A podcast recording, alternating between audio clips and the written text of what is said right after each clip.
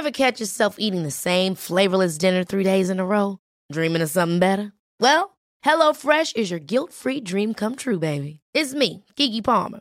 Let's wake up those taste buds with hot, juicy pecan crusted chicken or garlic butter shrimp scampi. Mm. Hello Fresh. Stop dreaming of all the delicious possibilities and dig in at HelloFresh.com. Let's get this dinner party started.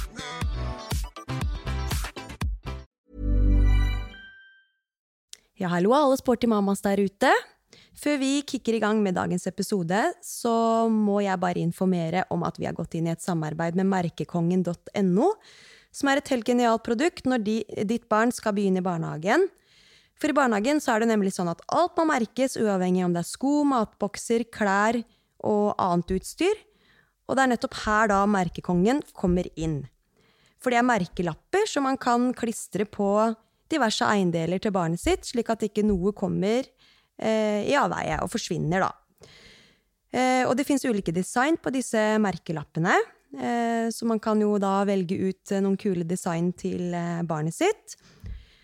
Og så er det også sånn at man kan velge mellom enten klistrelapper eller strykelapper. Og uavhengig av hva man velger, så tåler dette her både oppvaskmaskin og vaskemaskin. Så det er helt genialt. Så da gjelder det da å forsøke da å merke alt man har av utstyr til barnehagestart, og være forberedt til det. Kanskje ikke starte dagene før barnehagestart, da vil det vel være ganske hektisk å få dette her til. Eh, så start i god tid, det skal i hvert fall jeg gjøre, eh, slik at jeg er godt forberedt.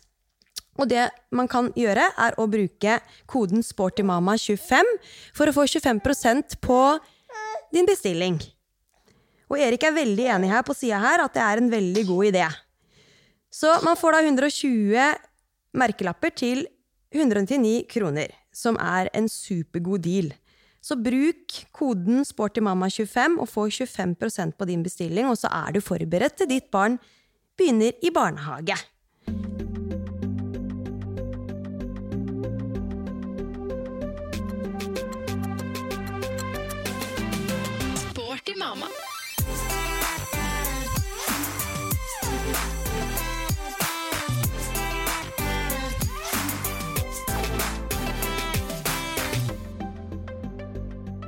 Hallo.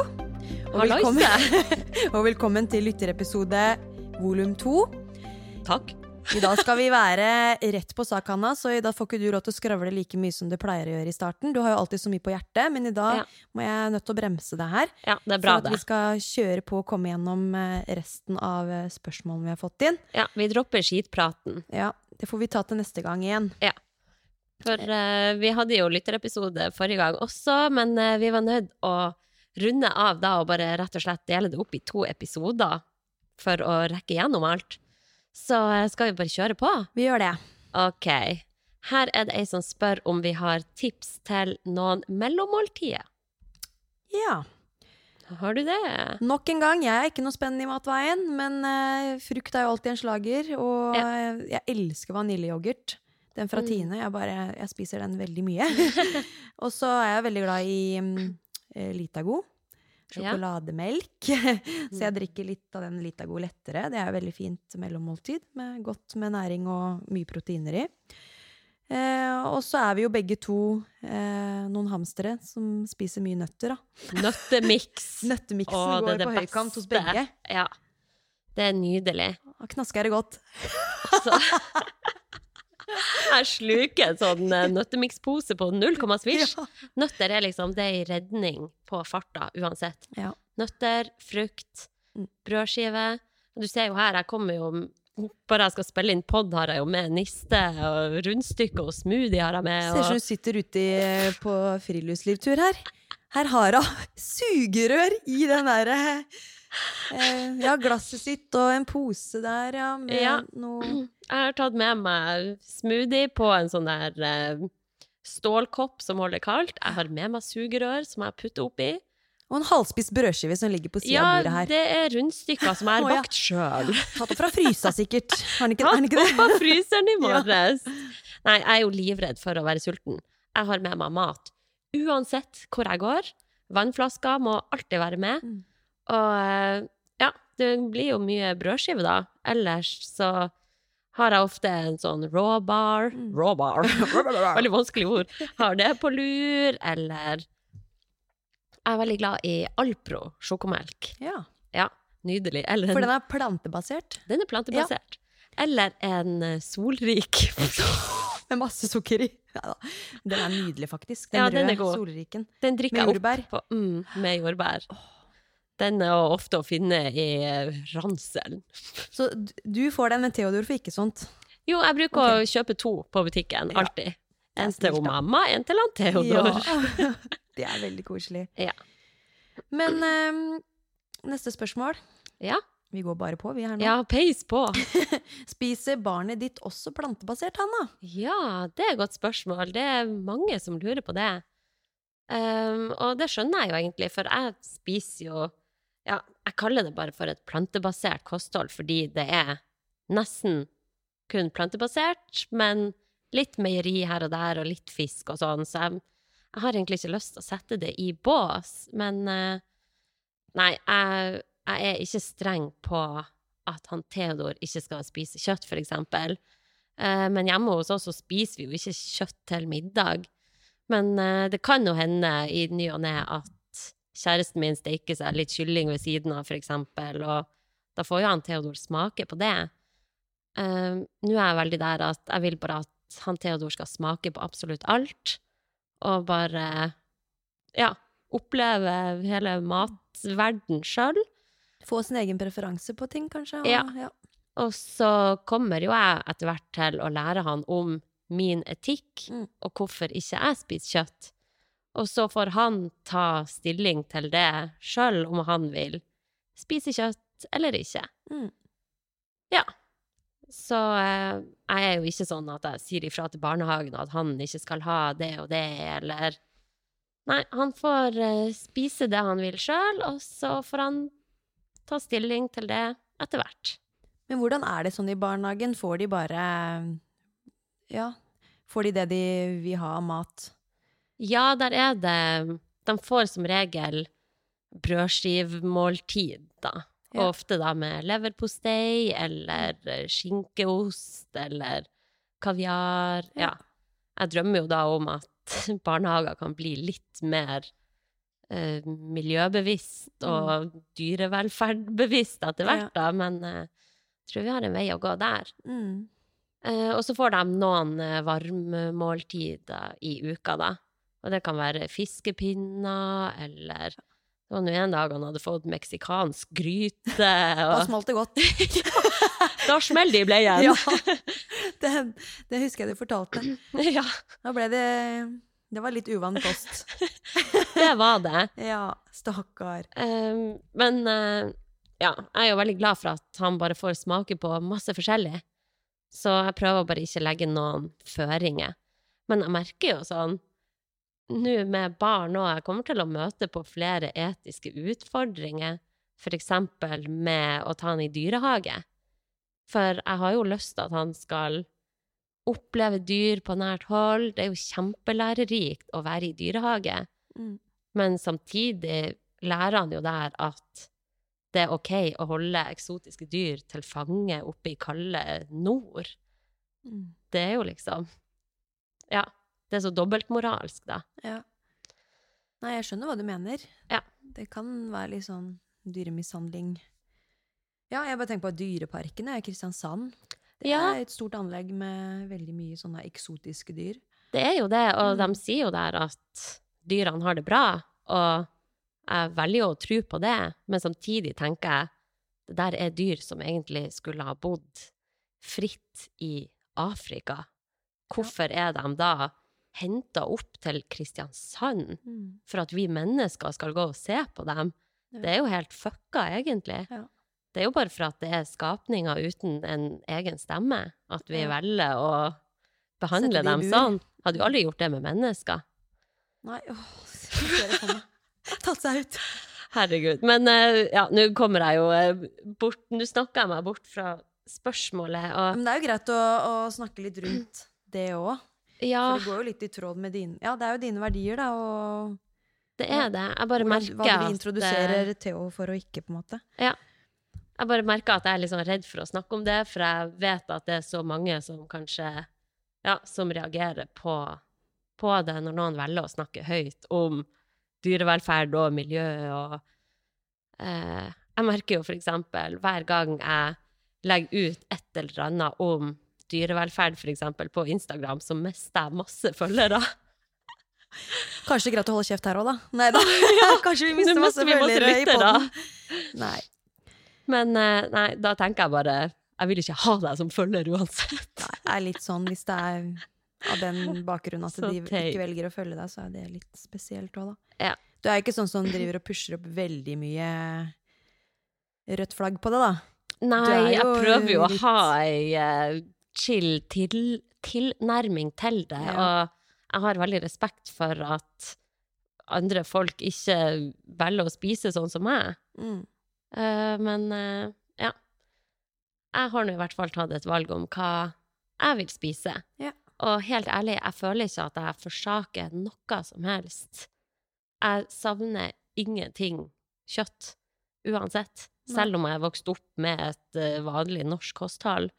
Det eneste jeg syns er utfordrende, kan være i sosiale settinger. Sånn, hvis jeg er på besøk og de føler at de må servere noe annet til den alternative hippiegjesten, liksom.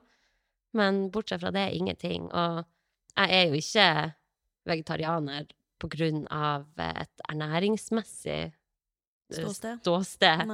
Det er på grunn av eh, min etikk. Ja. Så sånn er det. ja. Jeg blir jo litt inspirert, jeg òg, til å spise mindre kjøtt. Ja, blir du det? det? Mm. Ja, det, det, er er en god greie. Mm. Eh, Selv om jeg aldri kommer til å bli, liksom sånn, gå helt den veien som det du har gjort, da, så er det en idé å tenke litt over at man får inn litt mer, mer fisk og litt mer vegetarretter i løpet av Mm. en uke. Ja. Det å ha ett til to måltider er bedre enn å ikke ha det. Mm. Ja, hvis Så- alle bare kunne ha gjort noen små grep. Mm. Det er ikke sånn at man må gå all in som veganer nei, nei. for å gjøre en forskjell. Nei.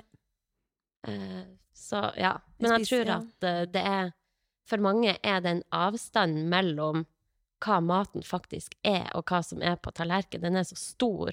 Det er sånn Når jeg ser eh, kjøttet i, i steikepanna, Mm. så ser jeg den kua, liksom. Ja.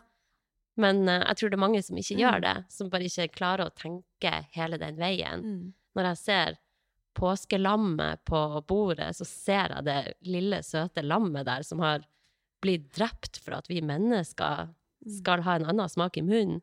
Ja, hvis man får liksom- sånne bilder i hodet, da, Ja. hver gang man ser noe kjøttaktig, på en måte, Ja. så, så blir jo det avsmak. Men jeg syns jo det er rart at ikke flere ser det, for Ja. det er jo realiteten. Men du har sett mye sånn hvordan ting skjer, slakting, rrrr, Nei. søkt og sånn, eller? Jeg vil ikke se det, for Nei. jeg vet jo at det er døde dyr. Ja. Så jeg oppsøker det ikke. For jeg har heller ikke eksponert meg for så veldig mye sånt, men hadde jeg gjort det, så kanskje føler jeg hadde fått en annen tone på, på matveien òg, liksom. Ja.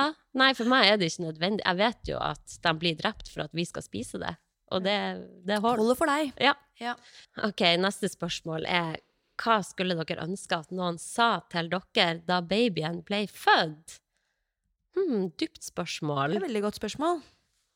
Kanskje sånn eh, hovedsakelig at jeg bare Når jeg ser tilbake på den første barseltida Jeg skulle bare ha tillatt meg å være enda mer i den babybobla. Jeg husker at jeg var veldig sånn Jeg hadde lyst til å vise han frem til venninne. Jeg ville liksom ut og vise at hallo, jeg er den samme selv om jeg er født. Uh, selv, jeg tror jeg bare stressa meg sjøl unødvendig mye og bare Jeg skulle bare tillate meg å være helt inne i babybobla. Bare være meg, babyen og kjæresten min, og bare finne ut av alt det der sjøl. Det er sånn, hallo, jeg har eh, fått et barn, men jeg er fremdeles veldig aktuell, og jeg skal Ja. være med på byen neste uke, ikke tenk på det. Jeg er fortsatt kul. Vi stikker ut og fester litt da, gjør vi ikke det? Herregud. Det er sprøtt at jeg tenkte det sånn før jeg fødte. Så tenkte jeg at ja, men jeg skal jo bare føde, og så tar det jo kanskje noen få uker, og så er jeg jo med på byen, liksom. Ja. Men jeg hadde jo ikke lyst til det. Nei. Jeg ville jo bare være med babyen. Det er jo ikke aktuelt. Nei. Så det forandrer seg jo. Men det vil jo ikke si at man har blitt en kjedelig person for det, da. Herregud, fordi man ikke kan komme ut og Nei. være med på litt partai. Jeg har kanskje gang. blitt litt kjedeligere. Sånn, ja, greit for, det. Jeg vet det. sånn sett fra de venninnene mine som ikke har barn. Jeg tror nok de ser på meg som litt kjedeligere, men det er jo for at jeg ikke er med på alt nå lenger. Så ja, det får nå bare være greit. Ja. Jeg er den jeg er. Ta meg for den jeg er! Take it or leave it. ja. Nei, men um, ja, det er jo Ja, det er et godt spørsmål, dette her. ja, har du noen noen ting sagt? du skulle ønske at noen sa?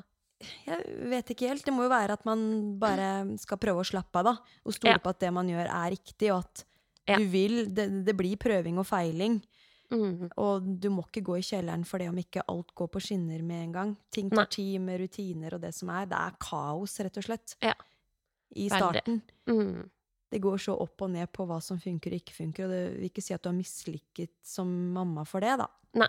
Senke forventningene og bare være der og vise omsorg og kjærlighet. Så Det er Er- alt ja, babyen trenger. det er At du det. er der, at du Mm. viser omsorg. Så det Ja, det sant. er sikkert mange som har sagt det til meg også, men det er sånn jeg kanskje burde forstått i litt større grad. Da. Ja, man skjønner det ikke før man står i det. Nei, for ja. Virkelig. Men du sendte meg jo et fint innlegg her, som jeg bare Ja. tenkte å lese opp. Det er fra Ammehjelpen. Takk og lov for Ammehjelpen! Hvis dere hører på, dere har gjort Ja. så mye for meg. De, altså, de gjør Der har vi surfa mye. Ja. Ammehjelpen gjør en så viktig jobb. Mm. Herregud, så glad for at det finnes en sånn tjeneste. Men her skriver de, i hvert fall, det her er jo relevant til sommerferie og sånt som folk sikkert skal på snart. Um, er du på ferie sammen med egen familie eller svigerfamilie for første gang etter at du ble mamma? Sorry. Familieferie kan være veldig hyggelig, avlastende og litt slitsomt. Du får kanskje tips og råd du ikke hadde bedt om, og som du ikke helt vet hvordan du skal takle. Det kan være merkelig vanskelig å si fra til sine nærmeste, spesielt når det handler om hvordan man forholder seg til en baby. De har gjerne kjent deg fra du var liten, og det gikk jo fint med deg. Kjærlighet og omsorg går ikke ut på dato, men mange av rådene som ble gitt for 30 år siden, er ikke gyldige lenger. Alle disse rådene og meningene kommer fra et godt sted, men du trenger ikke ta dem til deg hvis det ikke kjennes rett. Babyen er noens barnebarn, oldebarn, tantebarn, men det er du som er mammaen. Det er du som vet hva som er best for barnet ditt. Hvis du merker at babyen blir stresset av å bli holdt av noen andre, kan du si fra og be om å få babyen tilbake. Hvis du merker at babyen trenger å ammes, så ammer du bare, selv om noen spør om du skal amme nå igjen, eller kommer med ulike meninger om hvorfor det ikke er nødvendig. Pupp er mer enn mat, og det er der babyen føler seg tryggest. Derfor kan babyen søke brystet oftere enn vanlig. Maten du har spist, har som regel ikke skylda hvis babyen blir urolig. Det er helt vanlig at babyer blir urolige når rutinene endres, hvis du blir stressa, eller hvis det er mye aktiviteter og styr. Det er du som bestemmer når babyen skal smake på noe annet enn melk for første gang. Husk at det er helt innafor å trekke seg tilbake hvis du vil amme i fred, eller bare trenger en pause. Amen. Åh, amen. Takk for ammehjelpen. Ja. Jeg syns det innlegget der bare var så fint, og jeg kunne kjenne meg så igjen i det Spot sjøl. on. Ja, virkelig. Det kan, eh, det kan være utfordrende å få alle disse eh, velmenende Mm. rådene fra andre som ja, kanskje har oppdratt barn sjøl for Mm. mange år siden, og ja, det gikk jo fint med deg, liksom. Ja. Men uh, ja, det å bare stole på at du vet best sjøl, Ja. det er så viktig. Og dette med informasjon også, det, det er jo stadig utvikling Ja. rundt forskningen på, på den, den biten der. Så hva Mm. som var den beste måten å amme på, eller ja, hva det Ja. nå enn er, da. Mm. Tidligere er ikke sikkert at det er det som gjelder nå. Og så er det jo veldig ulik fra baby til baby òg, så man kan Mm. ikke kjøre akkurat samme, samme løp Herregud, nei. som man gjorde selv når man var liten. Så det, Nei, det er helt ja. annerledes. Og det er jo velmente råd, men så er man i den der mammabobla i starten. Veldig Ja. sensitiv, sårbar. Mm. Det er noe helt nytt. Du skal finne ut av ting selv, da. Ja. Og det å få veldig mye overveldende informasjon over seg på en gang da fra eh, ja, Hvis det blir litt sånn belærende Ja. eh, måte å si det til, si det Mm. på, så, så kan det virke veldig sårende. Ja. Så alt handler om hvordan tilnærming man da i så fall har, da. Når Ja, man kommer med de, disse vel, velmente rådene. Mm.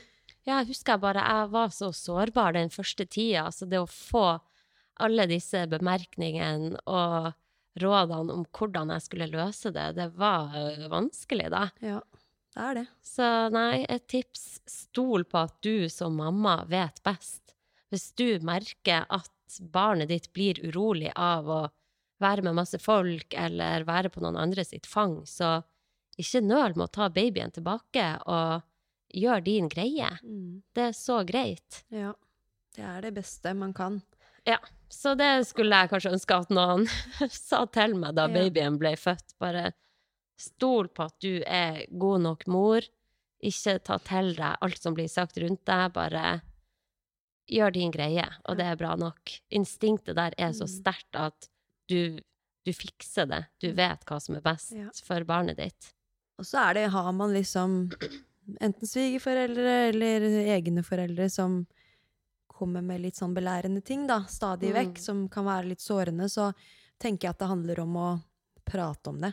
Mm. Si at vi har valgt å gjøre det på et annet vis, og takke så mye for at de Ja. bryr seg. For det er jo Ja. nettopp det, de, de gjør det jo velment. Ja, det kommer Selv om det kan av stikke litt. ja, Det kommer av kjærlighet. Ja, det gjør jo det. Selv så det kommer det an på hvordan man annerledes. selvfølgelig sier det, da. Ja. Men um, det å snakke om det, Mm.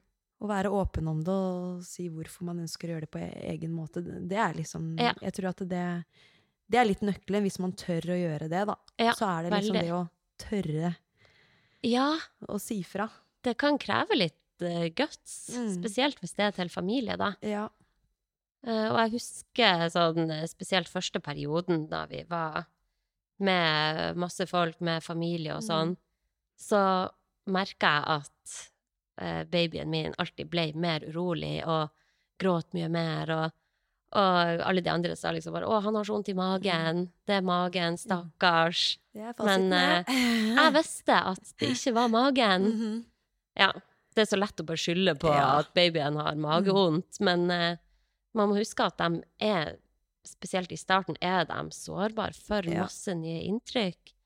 Blir overstimulert veldig fort, og det. da blir, det veldig, da blir de urolige. Ja. Så kan det resultere til at de ordentlig får sånn kveldsro og griner Mm. utover dagen, da, eller kvelden, etter et sånt stort familiebesøk og sånn. Ja. Så, ja, så kan familie komme og si at det er mageproblemer, eller Ja. er han sliten igjen, eller hva er, det, hva er det som plager han nå, da? Nei, nå skal du Gud. høre her. Det er litt Ah. mye, mye inntrykk her nå, så jeg tror vi må Ja. trekke oss unna og slappe av litt, bare Ja. vi to. Og det er så innafor bare ta med babyen, Ja. gå inn på et stille Mhm. rom og vær der så lenge du vil. Ja. Ferdig snakka. Det er goden med å komme seg unna familien iblant. Bare lås deg inn på rommet. 'Nå skal jeg amme, jeg!' Kommer tilbake om tre timer. Sove og Har du med deg godteposen din der og kose deg? supersette amming med, med Ja. godteri. Det er nydelig. Nydelig. OK, her er det ei som spør. Kan man ikke trene noe som helst de fire til seks ukene etter fødsel? Og hva kan man maks gjøre? Hm. Det er jo klare anbefalinger, da, at man skal vente seks uker. Ja. Og det er jo sikkert sånn Det er jo generelle anbefalinger ut fra at man Sånn som etter en vaginalfødsel, så vil det jo være veldig variert eh, hvor hardt fødsel, hvor hard fødselen har vært, da, og hva som har skjedd ja. nedentil, kan du si. Ja. Så vil det være sikkert litt ulikt hvor fort ting gror og leges, sånn individuelt sett. Mm. Så det er jo generelle anbefalingen. Eh, jeg venta Nå var det jo keisersnitt for min del, og da er det, sier man jo også seks uker før man gjør noen form for trening. Ja. Og jeg venta jo det, og helt ærlig så var det ikke noe Jeg higa ikke etter å trene før det. Selv om jeg følte meg pigg etter fire uker, Mm. eh, så slo jeg meg til ro med at hva er jeg har å tjene på å starte to uker før anbefalingene Ja. sier at jeg skal starte, på en måte, da. Ja. Så jeg tenker sånn, gå deg lange turer, da, og, og prøv å eh, bli sliten på en annen måte enn rein, rein trening. Mm. For du kan jo gå, gå turer som bare det. Ja. Da kan du få ut litt energi på den måten. Ja. Og Det er ikke alle som kan gå tur heller Nei, etter er fødsel eller keisersnitt. Man Ja. er ganske mørbanka etter å ha fått ut et Så menneske. Det, det blir, um, var veldig korte turer på meg i starten. Eh, men prøv å få opp aktivitetsnivået på, på dagligdagse ting du kan gjøre istedenfor treninga. Ja. Og avvent eh, til seks uker er godt. Det ville i hvert fall jeg gjort, da. Ja. Og hvis du er såpass rastløs at du må liksom stimulere muskulaturen litt, så får å ta et miniband da, og så kjøre litt bicepskøl og tricepspress og Ja. gjøre litt på overkroppen. Men det å Mm. starte med, med øvelser for underkroppen, det ville jeg absolutt ikke gjort. For Nei. det, det skal jo gro og leges der nede. Virkelig. Og hvorfor skal man på død og liv begynne å trene Nei. rett etter fødsel, når man vet at det er anbefalt å vente seks uker? Uh, men for min del, da, hvis jeg bare skulle ha lytta til kroppen, Mm. da hadde jeg kjørt på med trening ganske kjapt etterpå. Ja. For jeg følte meg rastløs og klar, og, men jeg visste Du hadde ikke noe vondt Jeg- Det var jo etterpå? litt ømt der, men Ja. det gikk overraskende fort over. Ja. Etter ei uke, kanskje, så var det Henda du revna fra høna til ræva?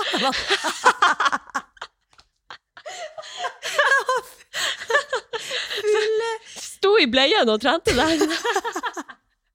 Uff a meg. Herregud. Nei, så ille var det ikke. Men eh, ja, hvis jeg kun skulle ha lytta til kroppen, så hadde jeg kjørt på tidligere. Men jeg visste at det var anbefalt å vente, Ja, så da gjorde jeg jo det. Ja.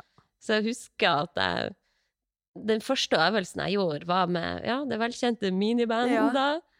da tok jeg sittende roing, enarmsroing, Ja. bare for å kjenne sånn Klarer jeg å aktivere ryggen nå? Mhm. Er den der fortsatt? Ja, ja.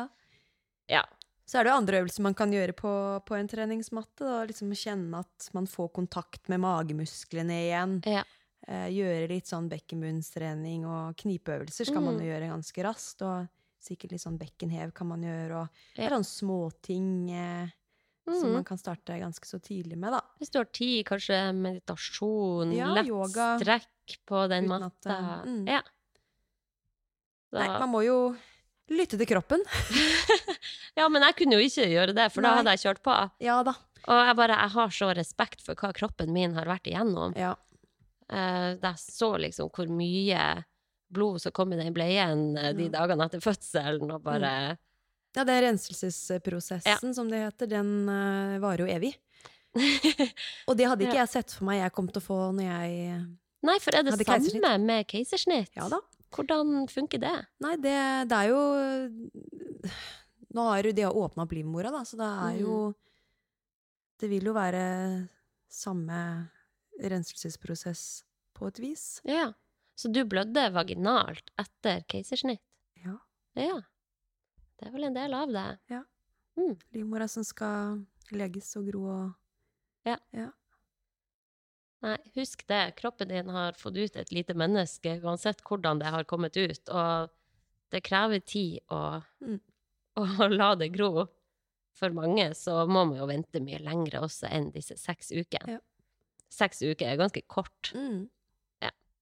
Det er det. Spesielt ved keisersnitt, hvor man Det er litt av et inngrep. Ja, Derfor det virker tenk. respekt for hva, hva som har skjedd når man Ja. kommer hjem og ser sår og i det hele tatt. Å, gud. Ikke småtteri. Nei, det er heavy Skal ha respekt shit. for de greiene der, altså. Ja. Indeed. Ja. Så take a chill pill i starten. ja. Eh, tips til treningstights til preggo. Ja, har du det? Jeg hadde um, en tights for Rebook, som jeg Ja. nesten brukte hver treningsøkt i siste Ja. trimester. Hva skal den være da? Bare inn, inn i maskin. Det, det var liksom den som var uh, den beste for meg, da. Mm. Den var jeg sykt glad i. Jeg kunne sikkert kjøpt flere av de. Det hadde gjort det litt lettere for meg selv. Men uh, så langt kom jeg ikke, da. Men det er jo sånn, hvor mye penger skal man gidde å bruke på gravidklær når det er så kort periode, da? Nei, det er sant. Ja. Så den, den fra Rebook, den var jeg veldig glad i. Mm. Veldig høy og fin, og ikk- stramma ikke noe sted. Nei. Så var den veldig deilig på beina, ikke for lang. Ja. Ja. Det Det verste er er jo klær som strammer. Det er no go når man er gravid. Ja, sånn Eller rett over sånn eller noe. Ja. Grusomt. Ja. Eh, Jeg fikk låne en treningstights fra ei venninne fra Two Times You. ja. Den var jo digg. Låste den, svetta i den og sleit den ut og vaska den og leverte tilbake. um, og så raida jeg jo klesskapet til hun mamma, da. Hun har noen større størrelser enn meg. Så Ja. jeg bare tok hennes tightser og T-skjorte og alt mulig, og det funka egentlig greit. Ja. Men eh, herregud, det er vanskelig å kle seg som gravid. Mm. Hvorfor er det bare stygge, dølle klær på mammaavdelinga? er så mye fælt, altså. Skal man gå i en brun tunika bare fordi man skal bli mor? Ja, Nei, jeg vil ha fjortisstilen min! Fjortisklærne. Åh, Skulle vært sånn eh, gravidavdeling på På. Wow. ja, på Wow. Eller på Bik Bok, eller det skulle jo det. For har de ikke det, egentlig? Ring dem og si det. Ja. Det, hadde, det tror jeg hadde slått an, altså. Ja, men det hadde jo det. Ja. Det er jo ikke kun dølle folk som blir gravid. Nei. Det er sporty mamas òg der Det ute. er det. Som trenger noe litt mer eh, sprekt og sexy. Ja, Ja. til å være sexy. Uansett skal man være sexy. Ja. Herregud, så Men jeg ser at vi hoppa over et spørsmål, Hanna, så vi må dra oss litt opp Oi, igjen. sorry. For dette med Ja, vi har fått et spørsmål som går på hvordan regulere matmengde basert på ammemengde og ammestopp. Ja, Den er litt grei å, å svare på. den må vi ta med. Litt lettere for deg å svare på enn meg, tenker jeg, for dette her handler vel om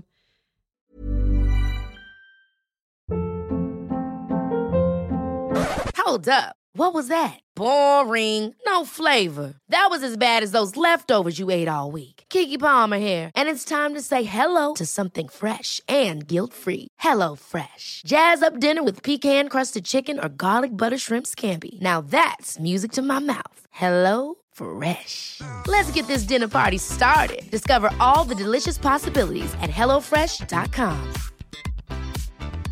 Life is full of awesome what ifs, and some not so much, like unexpected medical costs. That's why United Healthcare provides Health Protector Guard fixed indemnity insurance plans to supplement your primary plan and help manage out of pocket costs. Learn more at uh1.com.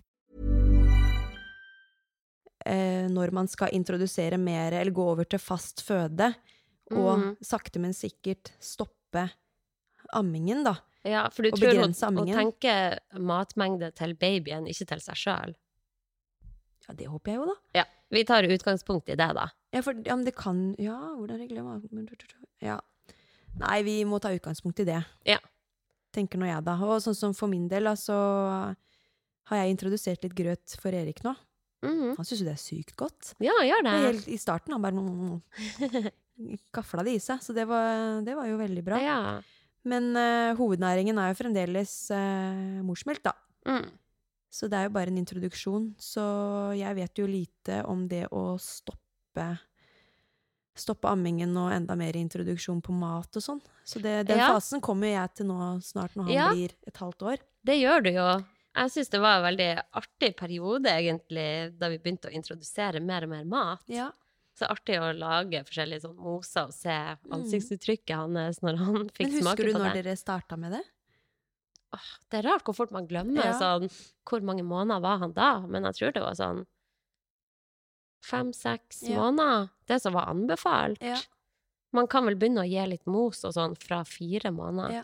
For jeg vurderer det å gi banan, eller mos banan. Mm. Kan Ja. jeg, liksom? Ja.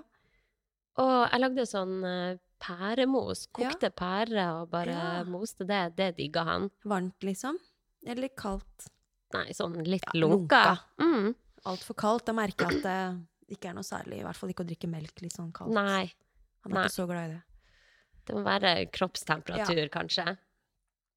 Men eh, ja, hvordan regulere? Jeg tror at det bare gikk litt av seg sjøl. Mm. Han fikk mer og mer mat etter hvert, og så amma han mindre og mindre. Og ja, det, vi gikk liksom ikke inn for at nå er det stopp med amming, mat. Det bare Det skjedde Mm. automatisk. Men når du begynte med grøt, eh, hvor mange grøtmåltider hadde du da? Nei, vi I- på på vel dagen? med Begynte vel med ett om Ja. dagen, og Mm. utvida til to om dagen.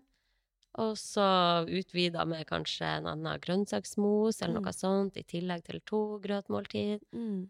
Ja. Så bare sakte, men sikkert Mm. bygge på. Og da blir jo ofte babyen mindre og mindre interessert i Ja. amming også, kanskje. Fordi jeg var på helsestasjonen og snakka med hun eh, ene Helsesykepleieren, Helse, ja, helsesykepleieren, Ja. riktig.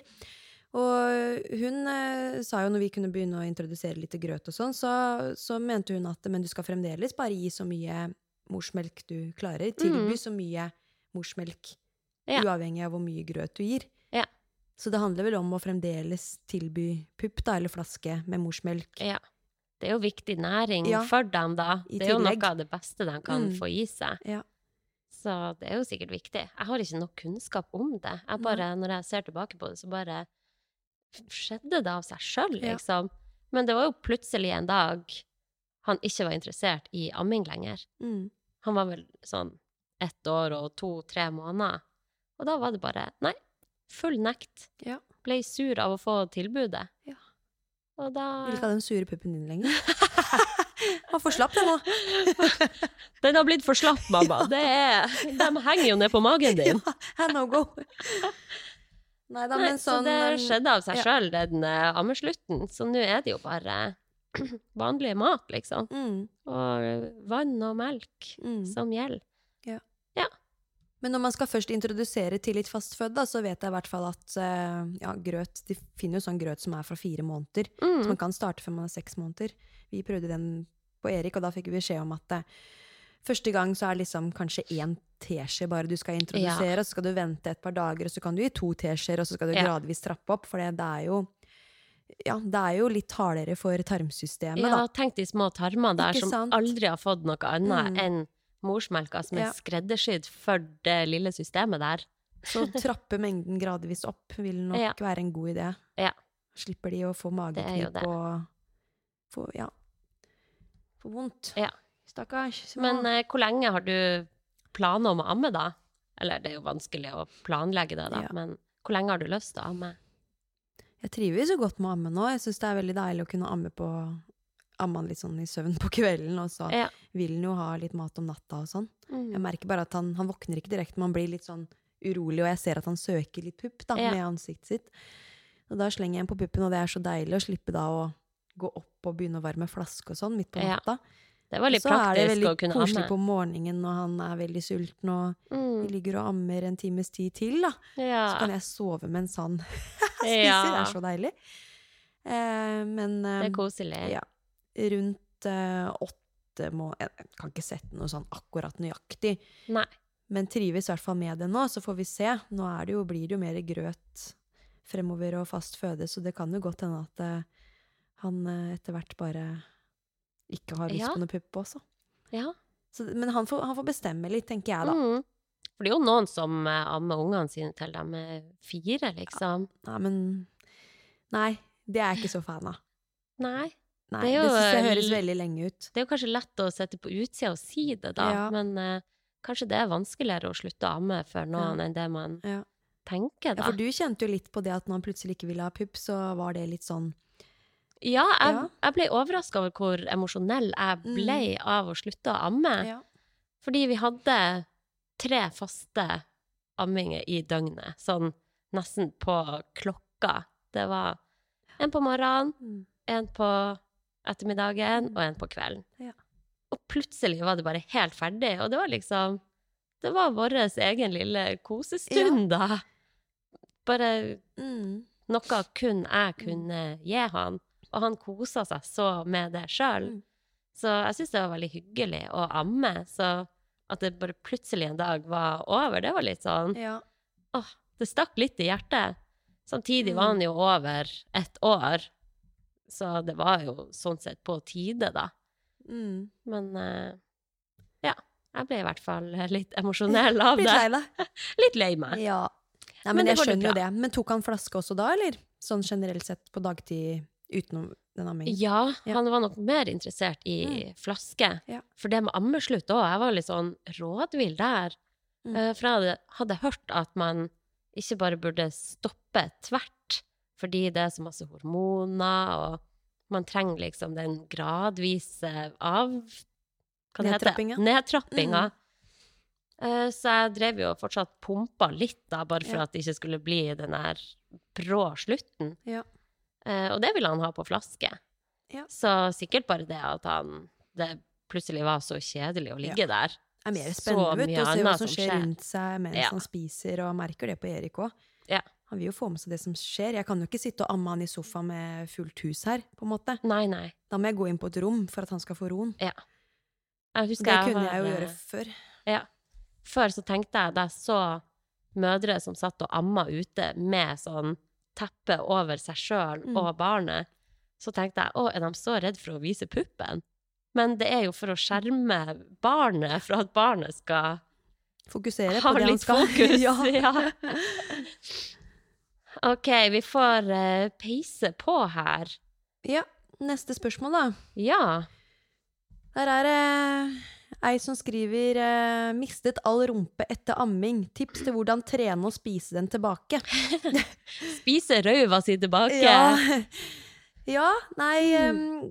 jeg, eh, Det er jo et kjent fenomen, da, at man eh, mister litt rumpa etter man har født. Ja. Jeg merka jo det sjøl. Ja. Det bare forsvant. Fikk jo så vidt kommet meg hjem eh, fra barselhotellet før den var borte, på en måte. Den ble igjen på Ullevål, den Ja, den, Jeg ræva sitter Ja, di. jeg er vel eh, sikkert i, på det rommet enda, nei da. Ja. Men uh, eh, ja, det er jo et kjent fenomen, og det er jo Skal man få større rumpe, da, så er man jo avhengig av å enten å få økt fettlagring på rumpa, eller så kan man jo forsøke å få muskelgru muskelgruppen til å vokse Ja. og bli større. Ja. Så det er vel sistnevnte som vi da mest sannsynlig være aktuelt. For det er jo ikke så lett å Ja. bare Nå skal jeg bare spise på meg litt fett på, på rumpa og få fe- Ja. fettlagringa der. Du vet jo ikke hvor det ender. Nå skal jeg legge på meg fem kilo, Ja. så legger det seg på rumpa. Ja. Man kan jo ikke gjøre det. Nei. Så det å stimulere til litt økt muskelmasse for å få, få Mm. blåst opp ballongen, på et vis Se for seg rumpa som en ballong. Ja. Så er det, er det mm, absolutt det beste tipset. Ja. Men da må man jo vite litt om hva man skal gjøre. Uh, ja. For det er noen retning, retningslinjer som man bør ta hensyn til, da. Om målet er å øke muskelmasse. Ja. skal også Vil du dra oss kjapt Ja, den? det. Ja. Uh, For det viktigste for at en muskel skal vokse og bli større, er jo Må man jo trene med tung ytre motstand, Mm. slik at muskelen får et sånt såkalt stort mekanisk drag i seg. Ja. Og hvor tungt man skal trene, det er jo vil jo være litt individuelt ut fra treningserfaring, men alt fra sånn én til ti repetisjoner, tolv, kan jo være, være Mm. bra, det. Altså så Ja. lenge man kjenner at man ordentlig må trykke til da, i hver repetisjon. Så tenk bare at du skal trene med tung nok ytre motstand. Det er det viktigste du skal ta med deg for akkurat det, Ja. den biten der. Og så er det jo det å sørge for et metabolsk stress i muskulaturen, da. Eh, s- Det vil jo være veldig effektivt for muskelvekst, og de fleste har vel kanskje kjent på et metabolsk stress uten at de kanskje vet at det er det som har skjedd. Ja. Sånn som når eh, man eksempelvis har gjort en bicepskøl, da. Så vil man jo, hvis man kjører helt til utmattelse i den øvelsen, og at ikke man klarer flere repetisjoner, så vil Mm. man kjenne en sånn type pumpfølelse eller svelling i muskulaturen. Mm. Det blir litt sånn stivt og hardt og ja, Let rart. it burn! Ja, ikke Ja. sant? Så mm, det er, eh, det er jo et metabolsk stress som kommer av eh, at man får eh, en redusert blodtilførsel Mm. til muskelen. Og det også er viktige, viktige ting som skjer da fysiologisk Ja. i muskulaturen for at den skal, man skal øke muskelmassen, da. Så den her For at det blir større. sviinga, den må du få i ræva di. Ja, det kan være greit å kjøre, kjøre på, på litt høye repetisjoner og, og gå ut i utmattelse. Ja. Spesielt hvis du har en litt eh, lettere, moderat til lett belastning, så må du sørge for å, å pushe all out, på en måte Ja. nesten, da. For å få maks effekt på muskelmassen. Mm. Eh, Men det viktigste eh, for økt muskelmasse generelt, er jo at man stimulerer den muskelgruppen eh, nok, da. Ja. Det er jo det forskningen sier, at det er det viktigste. At du får, får liksom stimulert den muskelen som skal bli stor og sterk. Mm. At, ja, at du får nok på den ukentlig. Ja. Eh, og hva som er tilstrekkelig, da, det må jo igjen ses i sammenheng med treningserfaring. Eh, er man nybegynner, så kanskje seks til tolv sett på øvelser som går på, på rumpa, sånn i Mm. ukentlig, vil være fint. Viderekommen kanskje 12-18 sett. Er man på mer avansert nivå, så kan man jo snakke over det igjen, sånn 15-25 sett. Ja. Um, og repetisjonsmessig så kan alt fra 1 til 30 repetisjoner i teorien fungere. Ja. Uh, men kjører man med lett ytre belastning, så bør man sørge for å, å kjøre tilnærma ut til utmattelse for å få, ja, få påvirket muskelen til å bli, bli større, da. Ja, det må være tungt nok. Ja. Så repetisjonsantallet er eh, Repetisjonsrammen er mye større enn hvis man bare hadde snakka om maksstyrke. Ja. Nå er målet å bygge Ja. ass. Ja. Ja. Og da, har man, da kan det skje innenfor flere repetisjoner og en større repetisjonsramme enn hvis målet er å bare øke muskelstyrken. Da har vi Mm. liksom den én til seks repetisjoner som er i maksstyrkeland, Ja. kan du si. Ja. Så ja, det er jo viktige ting å ta med seg da, og ha litt i bakhodet. Eh, skal man få til dette her. Og så vil det jo være å selvfølgelig trene øvelser som eh, involverer rumpa i høyest grad. Mm. Da har vi jo markløftsvarianter. ja. Eh, vi har jo knebøyvarianter, utfallsvarianter. Og så har vi Mm. mer isolerte øvelser som går direkte på setemuskulaturen, som eksempelvis glute bridge, hip thrust. Bootybilder, Bootybuilderen, apparatet. ja. Det er jo en, en hip god. thrust du gjør da. Ja. Den, eh, den er veldig fin. Mm. Slipper du å liksom legge på vekter på en stang og sånn. Da er det bare å kaste seg rett i apparatet og gønne på. Og det gjør så vondt på hoftekammene også, å ligge og gjøre hip thrust med stang. ja, ja, med stanga, ja. Da må du Ja. ha sånn pysepute på, da. Ja, det må man faktisk. Jeg må det. Ellers så eh, gjør det vondt. Ja. Men når det kommer men det til matveien, da, så vil det jo være å være, bare være bevisst på å få i seg nok mat gjennom dagen. Mm. Og ikke minst nok proteiner, som er byggesteinene for å ja, få muskelmasse, da. Ja. Det nytter ikke å Eh, ligge i et energiunderskudd Nei. hvis du skal drive og bygge muskler. Nei, jeg Det ville går nok ikke. eh, vært vedlikehold eller forsiktig overskudd, kanskje. Ja. Hvis du, I hvert fall hvis du er Hvis du har mista rumpa di og er generelt veldig tynn og har lav fettprosent, så har du ikke noe, noe vondt av å ligge i litt forsiktig overskudd Nei. på maten. Absolutt. Um, og så er det å ta seg tid da, til, å, til å spise, og det å, for at man tenker at det ikke er noe man klarer å prioritere fordi det går så i ett med tidsklemma. Mm. Men da må du faktisk prioritere det, og sette av tid til det. det. er så viktig. Ja, da må det være en viktig Ja. prioritering, akkurat som at trening er en viktig prioritering, eller søvn er en viktig Ja. prioritering. Næring til både mammaen og babyen. Og Ja. pappaen. Altså, det er jo clouet for at man skal ha det bra, Ja. spør du meg. Men uh, jeg tenker sånn Hvis den eneste motivasjonen til å trene styrke er at du skal få litt større rumpe, det er sånn Hvor lenge varer egentlig Nei, den motivasjonen, da? Ja. Men uh, det skal jo sies at det er jo viktig å trene rumpa òg, Mm. for det er jo den største muskelen vi Ja. har i kroppen. Så det er jo helsemessig Mm. også å få inn øvelser på Mm. rumpe. Men det er ikke noe eh, ulempe å ha en sterk bakdel. Nei, på ingen måte. Men bare hvis du er helt besatt av å trene kun for å se sånn og sånn ut, så vil jeg råde deg å kanskje Flytte fokuset litt. flytte fokuset litt og se på andre helsefordeler Mm. med hvorfor du skal trene. Ja, så får heller rumpa komme som en bonus, da. Ja. For det er jo, vi skal jo ikke slå ned på eh, estetiske målsetninger heller. Jeg forstår veldig godt ja, at folk har lyst til å bygge litt mer biceps eller rumpe, lår Mm. og den slags, men at hovedmotivasjon for trening ikke kun handler om det, da. Ja. For da kommer det til kort. Det er så mange andre grunner til hvorfor man burde trene Ja. også.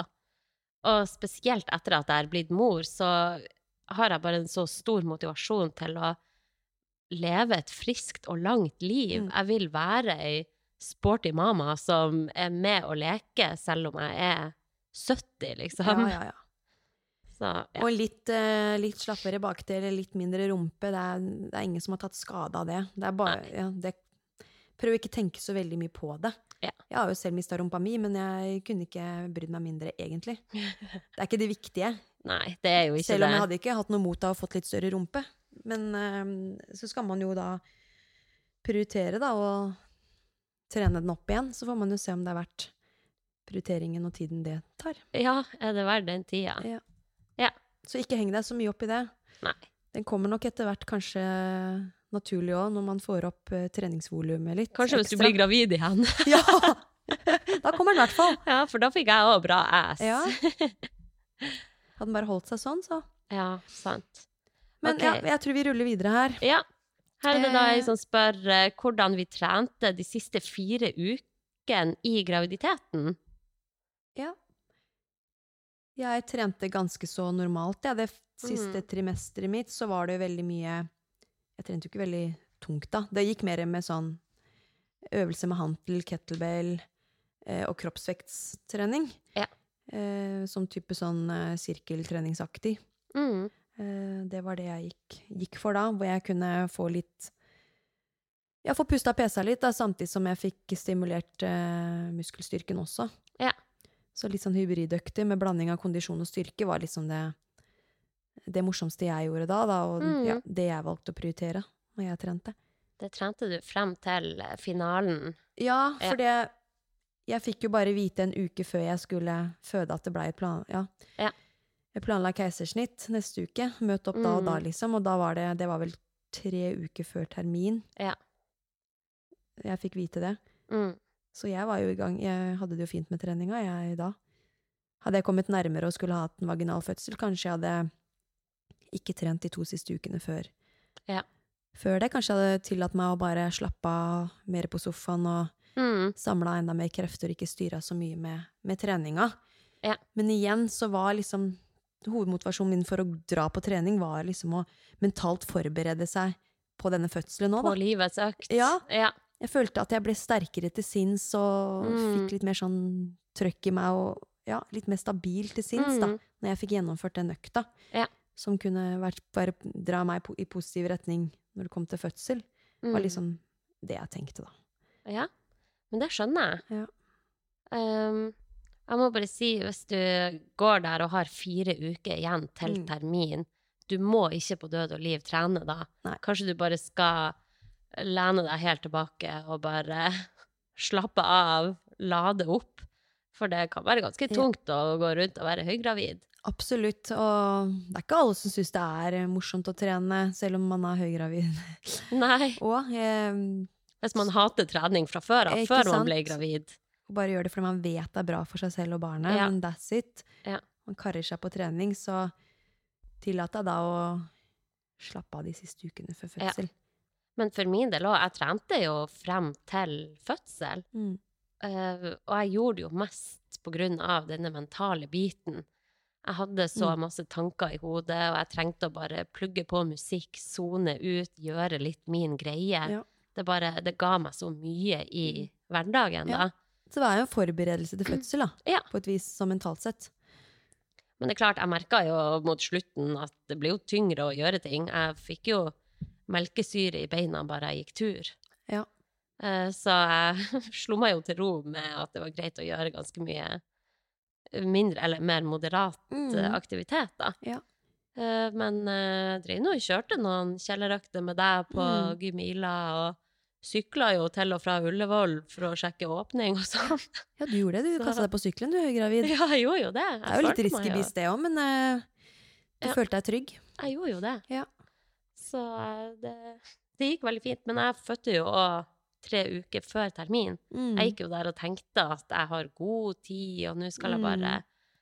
ja, gjøre mitt, puske med mitt og slappe av. Men uh, plutselig smalt det. Ja. Så det er ikke sikkert jeg hadde trent sånn like hyppig hvis jeg fødte til termin, da. Nei.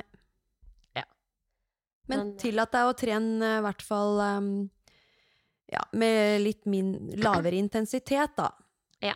Sette seg på sykkelen, sykle rolig innendørs på treningssenteret, eller mm, ta seg en yogaøkt. Ja. Hva enn som funker for deg. Ja. Så lenge du bare kanskje har reflektert over hvorfor du gjør det. Mm. Hva skal du sitte igjen med? ja. Er det for at du føler at du må Mm. trene, eller er det for at du har lyst? For da blir det jo nettopp bare førstnevnte der, da blir det jo bare Ja. et stressmoment som kanskje ikke hører hjemme fire uker før fødsel, da. Nei, da skal du bare roe ned. Mm. Dull hjemme med babyklær Ja. og forbered og lage opp mat til fryseren Ja. din. For guds skyld, ikke glem det! Det er det viktigste. Ok, neste spørsmål. Har dere lyst at barna skal vokse opp i Oslo eller hjemstedet deres? For eh, du er jo fra Stavern, og Mm. jeg er fra Harstad. Hva er dine tanker? Vi var jo ganske fast bestemt på at vi skulle mm, flytte nedover til Stavern og kjøpe huset til foreldrene mine. Takk og lov for at det ikke ble det. Ja, men så, ja, vi har jo ikke helt lagt det vekk, eller det kan godt hende vi har det, men jeg lever litt i håpet enda. Uh, Ja. Men ja, jeg er litt sånn usikker på hva, hva Martin vil og sånn. Mm. Og jeg også er ikke helt ukjent med å heller bosette meg i Bærum eller et annet sted. Nei. Det var litt sånn i starten at det, det er Stavern som gjelder. Eller Larvik. Men nå er jeg, ja, jeg har fått litt, litt andre tanker rundt det, da. Ja. Så vi får se. Men per nå så koser vi oss veldig godt inn i en ganske så ny leilighet her, da. Og vi har Mm. god plass, så her kommer vi helt sikkert til å bo til Erik begynner på barneskolen. Mm. Så hvis det skal være aktuelt å flytte på seg, så skjer det vel rundt den tida han begynner på skolen, da. Ja, for det blir nok et vendepunkt Mm. når barnet Den skal begynne på kommer. skolen. Mm. Ja. For det er ikke noe særlig å ta unger ut av eh, De får seg venner, ikke sant, første og andre Mm. året på skolen, og så skal du flytte på dem og sånn. Mm. Så kommer de til et nytt sted hvor de ikke kjenner noen, og så ja. Å, da får jeg litt vondt av, Uff. vondt av de. Ja, det virker brutalt. Ja, selv om det går jo det også. Barn er jo tilpasningsdyktige. Ja, de er jo det. Får seg jo venner mye fortere enn det vi gjør, for å si sånn. Ja, ja, er du gal? Der er det bare hei, skal vi leke, og så er man bestevenner. Ja. Så det er det som er fint med det. Mm. Men eh, nei, ingenting er bestemt, bortsett fra at vi trives veldig godt her nå, og Ja. tenker å, å bo her til ubestemt tid. Ja, Det er bra. Hva med dere? Nei, det er jo før vi flytta til Oslo. Jeg har jo bodd her i, herregud, elleve år. Men før det så hadde jeg jo sagt bare no way at mine barn skal vokse opp i skumle Oslo. Hallo, på Karl Johan, har du sett alle de skumle folka der, liksom? Mm. Men jeg er jo aldri på Karl Johan. Vi bor i et så barnevennlig område. Det gjør jo dere òg. Mm. Og bare trives så godt. Natur og kjempebra barnehage. Alt er så lett tilgjengelig Ja. her, da. Naboene våre er også småbarnsfamilie. Vi har fått oss masse nye bekjentskap der. Mm. Barn som han Theodor kan leke med. Og nei, bare Vi trives så godt her.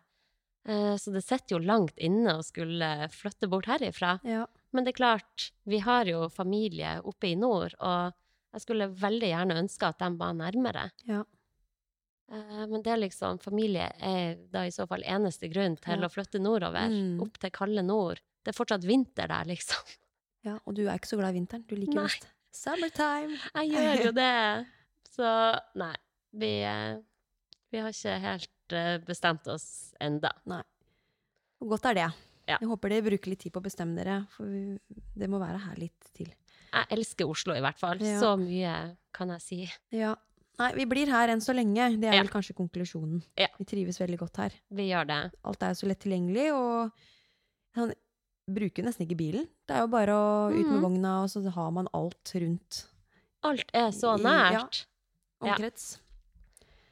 Så det er fint. Ok. Jeg lurer på om vi bare må knuse på her. Ja. Ok, vi har bare ett spørsmål igjen. Ja, Skal jeg lese det opp? kjør på. Eh, sleit dere med amming? Har dere tips til sår og ømhet? Åh, vi- amming, altså. ja. Det er et eget fag. ja. Herregud, Hvis vi starter med første spørsmål, da, om vi slet med amming. Ja. Oh yes! For å si det sånn, det var ikke lett. Det vil si, jeg hadde melkeproduksjonen min kom i gang med en gang. Jeg hadde jo råmelk bare Ja, timen, timen etter jeg kom ut fra det keisersnittet. Ja. Så drev hun der eh, sykepleieren og bare pressa ut ja. sånn gul gugge. Her er det Det jo er masse melk og greier! Her er jo! Råbrød. Råbra råmelk. Så det var jo veldig bra. Men én ting er jo hvis, Selv om du har melk i puppene, så kan jo fremdeles barnet slite med å klare å koble seg på puppen din, da. Ja, den påkoblinga der. Ja, det sleit jeg veldig mye med. Han mm, klarte ikke å få et effektivt sugetak. mm, Nå ble jo han født to uker før, da.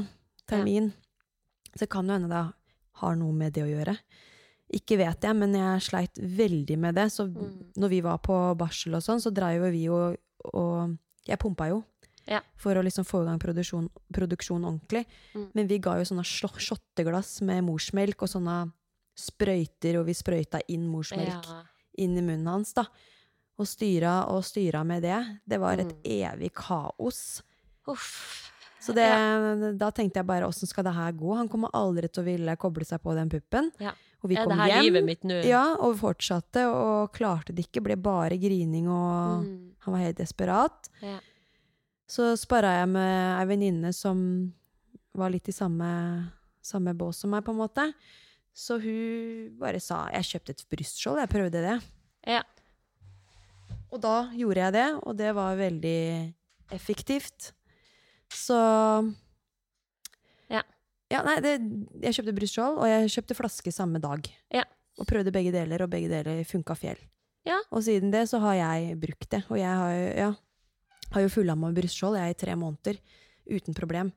ja, så lenge det funker for Ja. deg, så må man jo bare Ja. kjøre på med det. Og de er veldig eh, Sånn som på sykehuset og sånn, så ville de jo veldig gjerne at jeg ikke skulle starte med det brystskjoldet og ha litt is i magen, Ja. liksom gi det tid.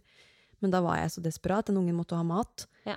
Så da blei det med det brystskjoldet. Og det er jo klart, da har jeg ikke klart å avvenne det heller, da. Så det har jo blitt med det. Men så lenge du ikke syns at det er mye styr, så får jo det bare være helt greit. Ja. Hva enn som funker for deg og babyen. Det viktigste er jo at babyen får i seg mat. Ja. Uansett. Og det har han jo gjort, for han har jo vært helt på, på vektkurven hele veien, så det har liksom ikke vært noe problem, da. Ja. Så bra. Nei, herregud, amming er jo Det er så omfattende. Jeg fikk helt sjokk over hvor mye det var å sette seg inn i.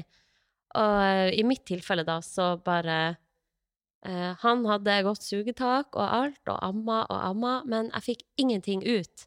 Så han var jo krakilsk, stakkar, Mm. og jeg var fortvilt, og men heldigvis fikk jeg god hjelp på Ullevål, da, som hjalp meg med et pumperegime. Og nå springer hun Lotte rundt her, men der, der er brystskjoldet på. Nå har vi fått babyen hjem her, så vi får eh, Men jeg prater nå bare. Erik griner i gangen her, stakkars. Jeg har vært litt på tur med Martin. Så nå er han så sulten, så jeg tror vi må avrunde her, jeg nå. ja OK, vi får gjøre det, da. Men eh, i hvert fall sånn brystskjold, det er veldig effektivt mot sår og ømhet. Ja. Så det har jo ikke jeg kjent noe på, da. Nei, det er jo veldig bra. Ja. Ellers så fins det jo en sånn krem man kan kjøpe på apoteket. Ja, Purulan eller Ja. et eller annet. Har liksom ikke noe annet tips enn det. Nei. Jeg kan uh, fortelle om uh, min mi ammeerfaring i neste episode. Ja, det kan vi gjøre. Så kan vi runde av, og så har vi jo Vi har fått veldig mange spørsmål som går på dette med trening etter fødsel også. Ja. Men det har vi tenkt å bare lage en egen episode Ja. om. Ja. Så det kommer. Ja.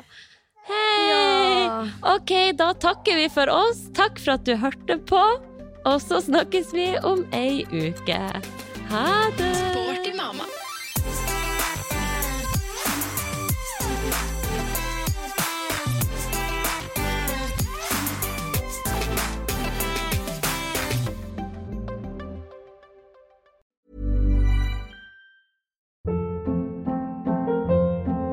Hold up. What was that? Boring. No flavor. That was as bad as those leftovers you ate all week. Kiki Palmer here, and it's time to say hello to something fresh and guilt-free. Hello Fresh. Jazz up dinner with pecan-crusted chicken or garlic butter shrimp scampi. Now that's music to my mouth. Hello Fresh. Let's get this dinner party started. Discover all the delicious possibilities at hellofresh.com.